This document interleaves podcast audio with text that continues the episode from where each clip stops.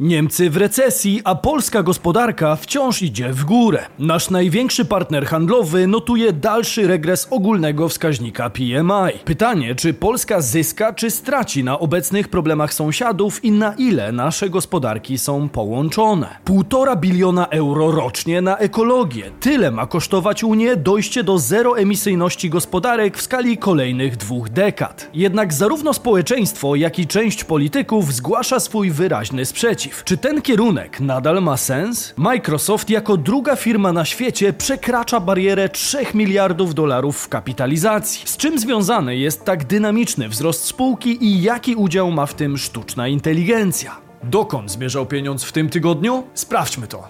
Bizweek. Cotygodniowy przegląd świata biznesu i finansów. Cześć, tutaj Damian Olszewski i witam Was serdecznie w programie Praktycznie o Pieniądzach i informacyjnej serii Bizweek, gdzie co tydzień otrzymujecie dawkę najważniejszych informacji ze świata biznesu i finansów. Na dobry początek, jak zwykle, proszę o łapkę w górę na potrzeby algorytmu i nie przedłużając, czas to pieniądz, więc Zaczynajmy. Niemcy w recesji, a Polska idzie w górę. Szansa dla polskiego przemysłu. Niemiecki wskaźnik PMI kontynuuje swój niepokojący trend osiągania coraz niższych poziomów. Najnowsze dane wskazują, że wskaźnik PMI dla Niemiec obejmujący zarówno sektor usług, jak i przemysł osiągnął w styczniu wartość 47,1 punktów, co oznacza spadek o 0,3 punkta w stosunku do poprzedniego miesiąca. Z kolei analitycy spodziewali się już wzrostu do poziomu 47,8 punktów. Przypominam, że wartość wskaźnika PMI poniżej 50 punktów sugeruje regres aktywności gospodarczej. Spadki zarejestrowane w sektorze usług z poziomu 49,3 do 47,6 punktów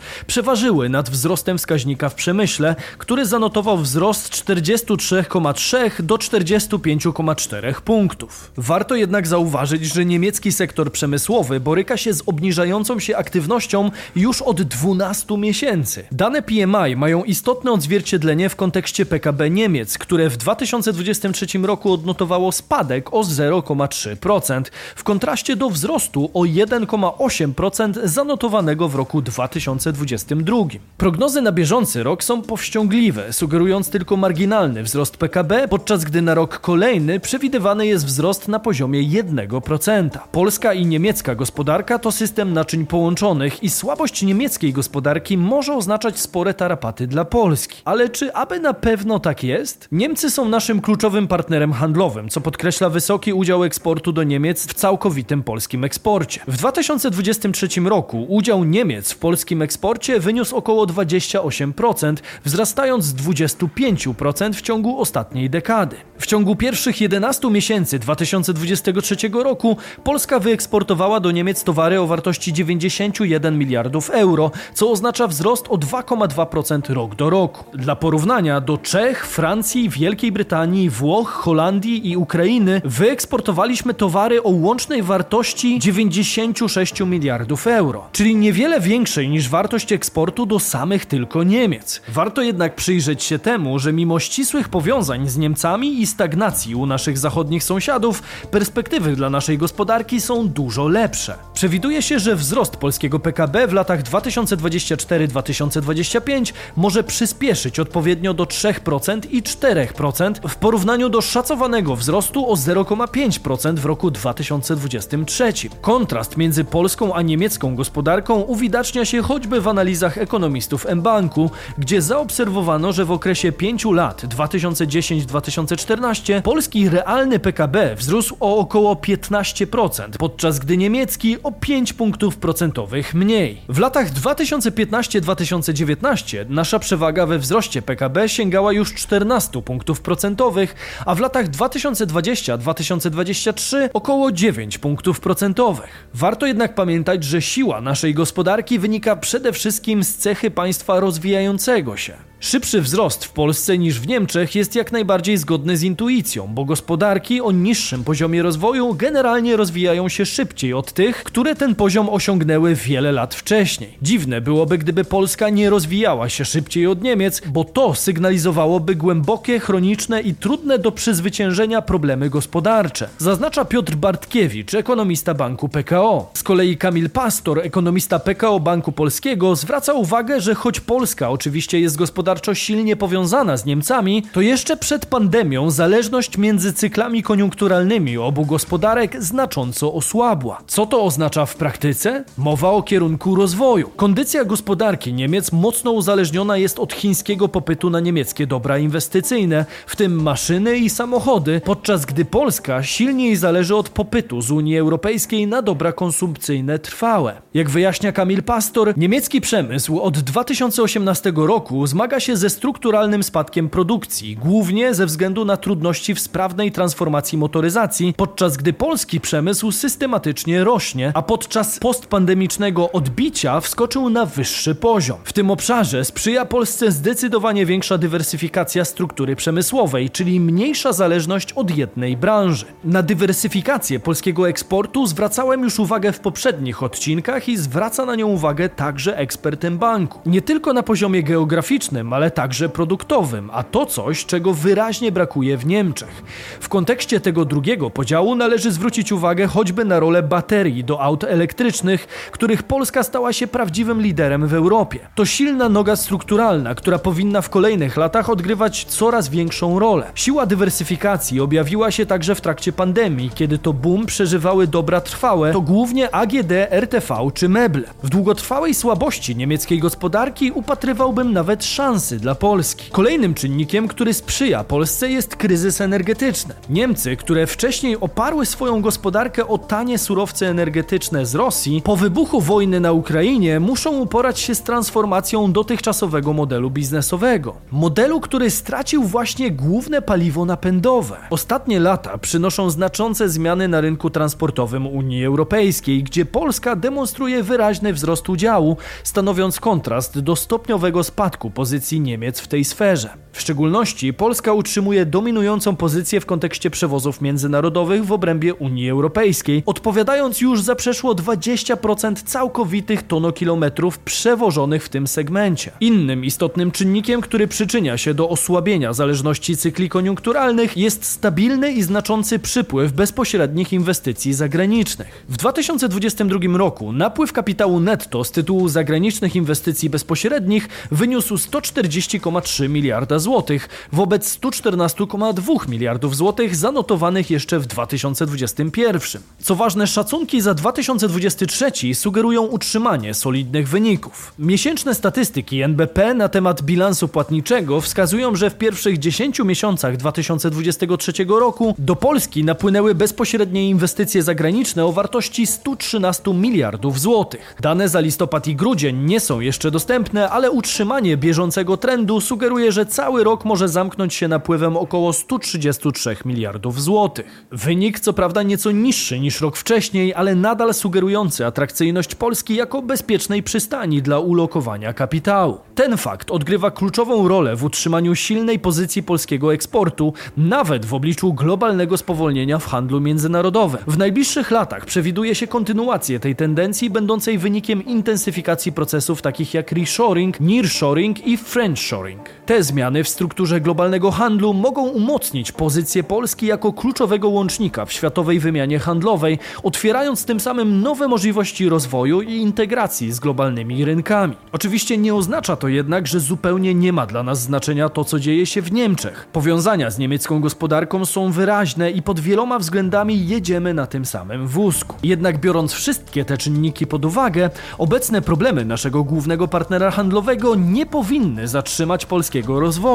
A to chyba dla nas najważniejsza informacja. Spore znaczenie ma również fakt, że nie należymy jeszcze do strefy euro. Natomiast pierwszy raz od bardzo dawna jest w Polsce wola polityczna do wprowadzenia europejskiej waluty. Pytanie, czy z tej okazji warto przygotować dla Was głęboką analizę korzyści i zagrożeń wynikających z euro w Polsce. Zamówienia jak zwykle składamy odpowiednim hashtagiem w komentarzu. Jedną z konsekwencji byłoby chociażby częściowe przekazanie rezerw Narodowego Banku Polskiego do Europejskiego Banku Centralnego. A trochę tego mamy, bo ostatnio więcej złota niż NBP kupowały jedynie Chiny. Dobrze byłoby samemu mieć kiedyś tak solidną poduszkę bezpieczeństwa, ale w tej skali to raczej nierealne. Przy obecnej cenie złota nie każdy może sobie pozwolić na zakup całej sztabki czy też całej monety.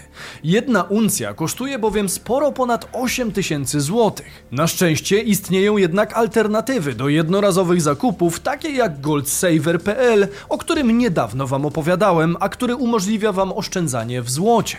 Jak to działa? Na goldsaver.pl możemy kupować złoto w niewielkich częściach za taką kwotę, na jaką obecnie nas stać, bez konieczności wydawania dużych kwot od razu. Kupujemy je za określoną kwotę, na przykład za 500 zł miesięcznie i jak tylko uzbieramy całą uncję złota, czyli 31,1 gram, to możemy odebrać ją w formie takiej oto fizycznej sztabki. Ja już swoją odebrałem, więc wiem, że wszystko przebiegło bez większych problemów. Zakupów dokonujemy zawsze po bieżącej cenie z danego dnia w oparciu o kurs podawany przez Narodowy Bank Polski. W ten sposób w pewnym sensie od razu oszczędzamy w złocie i myślę, że to ciekawe rozwiązanie dla tych, którzy nie ufają walucie fiducjarnej. Jak dobrze wiemy, z nią w historii bywało różnie. Dlatego warto rozważyć, aby choć część naszego majątku była zabezpieczeniem w metalach szlachetnych, które zwykle lepiej znoszą próbę czasu i są stabilną inwestycją. Zatem, aby zacząć oszczędzać w złocie, wystarczy zarejestrować się w sklepie goldsaver.pl i zacząć kupować złoto za ile chcemy i jak często chcemy.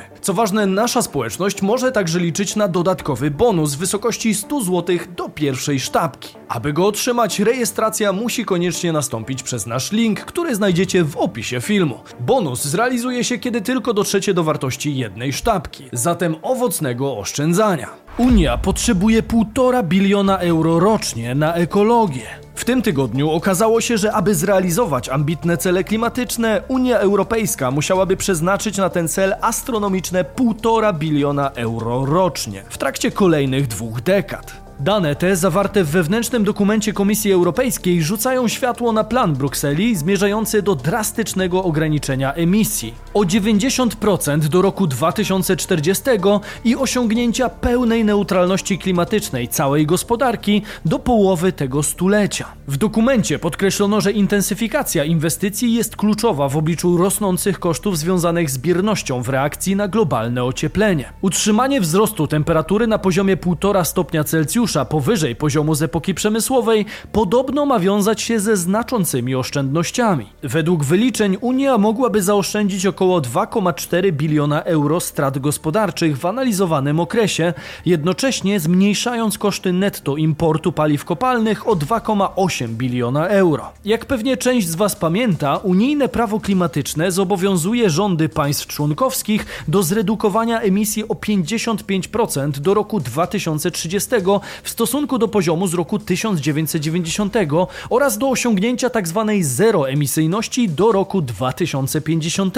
Trzeba przyznać, że plan jest bardzo ambitny i mocno ideologiczny, więc nie wszystkim jest on na rękę. Niektóre sektory przemysłu i rolnictwa wyrażają obawy, że nowe wymagania mogą okazać się zbyt uciążliwe, zwłaszcza w kontekście rosnącej inflacji i konsekwencji kryzysu energetycznego spowodowanego inwazją Rosji na Ukrainę. Szczególnie rolnicy wyrażają sprzeciw wobec przepisów dotyczących ochrony środowiska, co znajduje odzwierciedlenie w rozprzestrzeniających się protestach w krajach takich jak Holandia, Belgia, Niemcy, Francja, Rumunia czy Polska. Dokument zakłada, że rolnictwo, w tym hodowla zwierząt gospodarskich i stosowanie nawozów, będzie miało największy udział w emisji gazów cieplarnianych w Unii Europejskiej do 2040 roku. Sugeruje się, że jednym ze sposobów ograniczenia tego zjawiska może być lepsze odzwierciedlenie cen emisji rolniczych w łańcuchu wartości żywności. A tak po ludzku, co to będzie oznaczać w praktyce? Nic innego jak potencjalne włączenie tego sektora do unijnego systemu handlu uprawnieniami do emisji, a tym samym dodatkowe koszty wynikające z ceny uprawnień, które w tej chwili dotykają przykład polski węgiel. Masowe protesty europejskich rolników opisywałem dla Was w poprzednich odcinkach. Warto do nich wrócić, jeśli jeszcze nie wiecie o co chodzi. Warto także zwrócić uwagę, że nie tylko społeczeństwo ma obawy co do drastycznych zmian w trosce o klimat. W ostatnim roku Emmanuel Macron, prezydent Francji oraz Alexander De Croo, premier Belgii, wystosowali apel o tak zwaną pauzę w legislacji klimatycznej.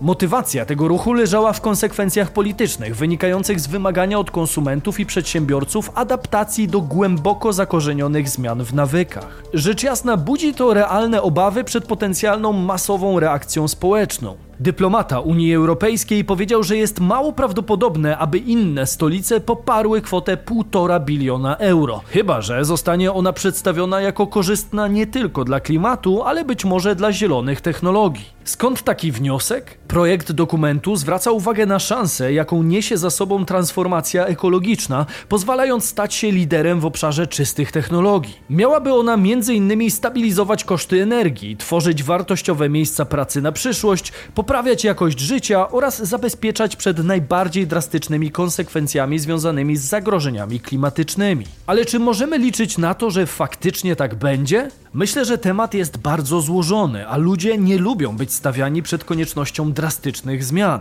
Chętnie jednak poznam Wasze opinie w komentarzach. Istotnym aspektem strategii jest również rozwój technologii wychwytywania dwutlenku węgla, która ma kluczowe znaczenie w procesie wychwytywania pozostałości emisji bowiem Unia Europejska musi wychwycić 450 milionów ton dwutlenku węgla rocznie do roku 2050, aby osiągnąć cel zerowej emisji netto. Dokument, o którym mówię, ma zostać opublikowany przez organ wykonawczy Unii Europejskiej. Już 6 lutego stanie się punktem wyjścia do debaty na temat celu na rok 2040.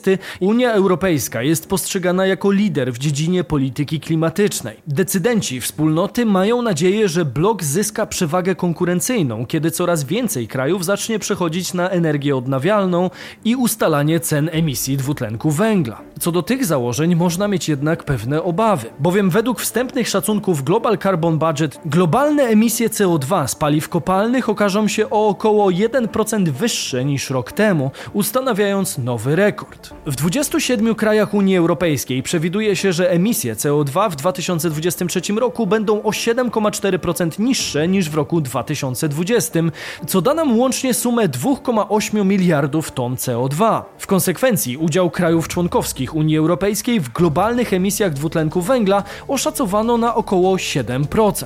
Problem stanowi jednak wzrost tego współczynnika w innych krajach, które są kluczowe dla globalnego ocieplenia. Prognozuje się, że w roku 2023 emisje dwutlenku węgla w Chinach wzrosną o 4% w porównaniu z rokiem 2022, osiągając poziom niemal 12 miliardów ton CO2. Oznacza to, że udział Chin w globalnych emisjach dwutlenku węgla może zbliżyć się do 32%. Natomiast w Indiach rok 2023 przyniesie prawdopodobnie wzrost emisji CO2 o około 8% w stosunku do roku poprzedniego, co przełoży się na ponad 3 miliardy ton CO2. W efekcie udział Indii w globalnych emisjach dwutlenku węgla przekroczy poziom 8%. Nasuwa się więc pytanie, czy europejskie 7% daje szansę na poprawę przy chińskiej gospodarce, która produkuje prawie 5 razy więcej CO2. Tam jednak zmiany również mają miejsce, choć z pewnością nie tak szybko jak w Europie. Jak uważacie, czy plany Unii Europejskiej w długim terminie mają sens, czy może raczej nie tędy droga? Dajcie znać w komentarzu. Microsoft przekracza barierę 3 bilionów dolarów, co jest podstawą takiego wzrostu. Apple jako pierwsza firma na świecie dwukrotnie przekroczyła kapitalizację rynkową wynoszącą 3 biliony dolarów, po raz pierwszy osiągając ten kamień milowy 3 stycznia 2022 roku, a następnie ponownie 30 czerwca 2023. Do niedawna była to jedyna spółka, która osiągnęła szczyt na tej wysokości. Jednak w środę Microsoft zaliczył ten sam wyczyn, przekraczając magiczną barierę kapitalizacji. Co ciekawe, wartość rynkowa Microsoftu przewyższa tym samym na przykład PKB Francji, plasując się tuż za wielkością gospodarki Wielkiej Brytanii. W środę po południu cena akcji Microsoftu wzrosła o niemal 1,5%, osiągając poziom około 405 dolarów za akcję, co skutkowało osiągnięciem przez spółkę kapitalizacji rynkowej na poziomie 3 bilionów dolarów. Od początku roku akcje Microsoftu zyskały ponad 7% wartości, kontynuując trend wzrostowy po imponującym wzroście o około 40% w roku poprzednim. Optymizm inwestorów napędza przede wszystkim entuzjazm związany z potencjałem sztucznej inteligencji w generowaniu wzrostu firmy. Spektakularne osiągnięcia Microsoftu Microsoftu w ostatnich latach są wynikiem strategicznych decyzji i innowacyjnych inwestycji pod przewodnictwem dyrektora generalnego Satya Nadeli. W ciągu ostatnich pięciu lat cena akcji firmy wzrosła ze 107 dolarów w styczniu 2019 roku do niemal 405 dolarów obecnie. Stanowi to znaczący wzrost w porównaniu do wcześniejszych lat stabilizacji cen akcji za kadencji Steve'a Ballmera. Nadella, obejmując kierownictwo niemal dekadę temu, zainicjował serię kluczowych zmian, w tym przejęcia firm takich jak Mojang, twórca gry Minecraft, profesjonalnej platformy LinkedIn, serwisu do hostingu oprogramowania GitHub oraz firmy Xamarin. Te akwizycje okazały się istotne dla dalszego rozwoju Microsoftu, szczególnie w kontekście ograniczonej obecności Windows Phone na rynku mobilnym. Ostatnie lata przyniosły z kolei dynamiczny rozwój w obszarze sztucznej inteligencji, na którym skoncentrował swoje wysiłki Microsoft. W 2023 roku Nadella zainwestował miliardy dolarów w rozwój AI, dokonując szeregu przejęć specjalistycznych firm w tej branży. Firma zainwestowała również ponad 10 miliardów dolarów w słynny OpenAI, w tym w komercjalizację i integrację zaawansowanych narzędzi takich jak ChatGPT,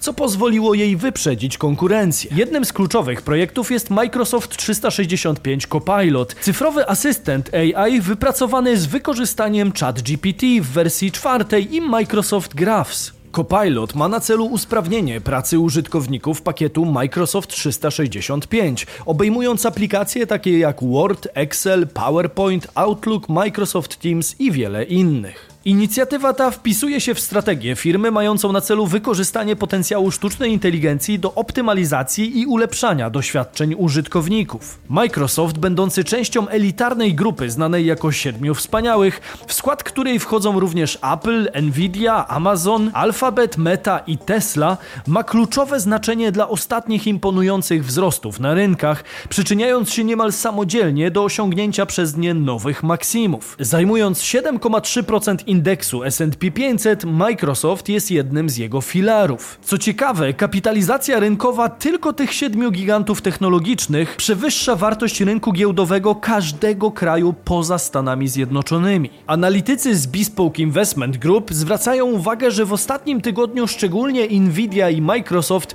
były odpowiedzialne za około 75% wzrostu indeksu S&P 500 w tym roku. To astronomiczny wynik. Z kolei w swojej ostatniej analizie analizie analitycy Morgan Stanley zauważyli, że strategia Microsoftu w obszarze sztucznej inteligencji nabiera coraz większej siły. W konsekwencji podnieśli oni cenę docelową akcji firmy z 415 do 450 dolarów. Podobny ruch wykonał Bank of America, również podnosząc swoją cenę docelową do 450 dolarów za akcję, przewidując dalszy dynamiczny wzrost firmy z siedzibą w Waszyngtonie w bieżącym kwartale. Stany Zjednoczone niezaprzeczalnie dominują na światowym rynku pod względem kapitalizacji rynkowej swoich firm, utrzymując pozycję globalnego lidera w tej dziedzinie. Zgodnie z najnowszymi danymi rynkowymi dotyczącymi 20 firm o największej kapitalizacji, aż 16 z nich ma swoją siedzibę w USA. Subskrybujcie kanał na dole, aby wiedzieć dokąd zmierzał pieniądz i pamiętajcie o ofercie goldsaver.pl, którą znajdziecie pod linkiem.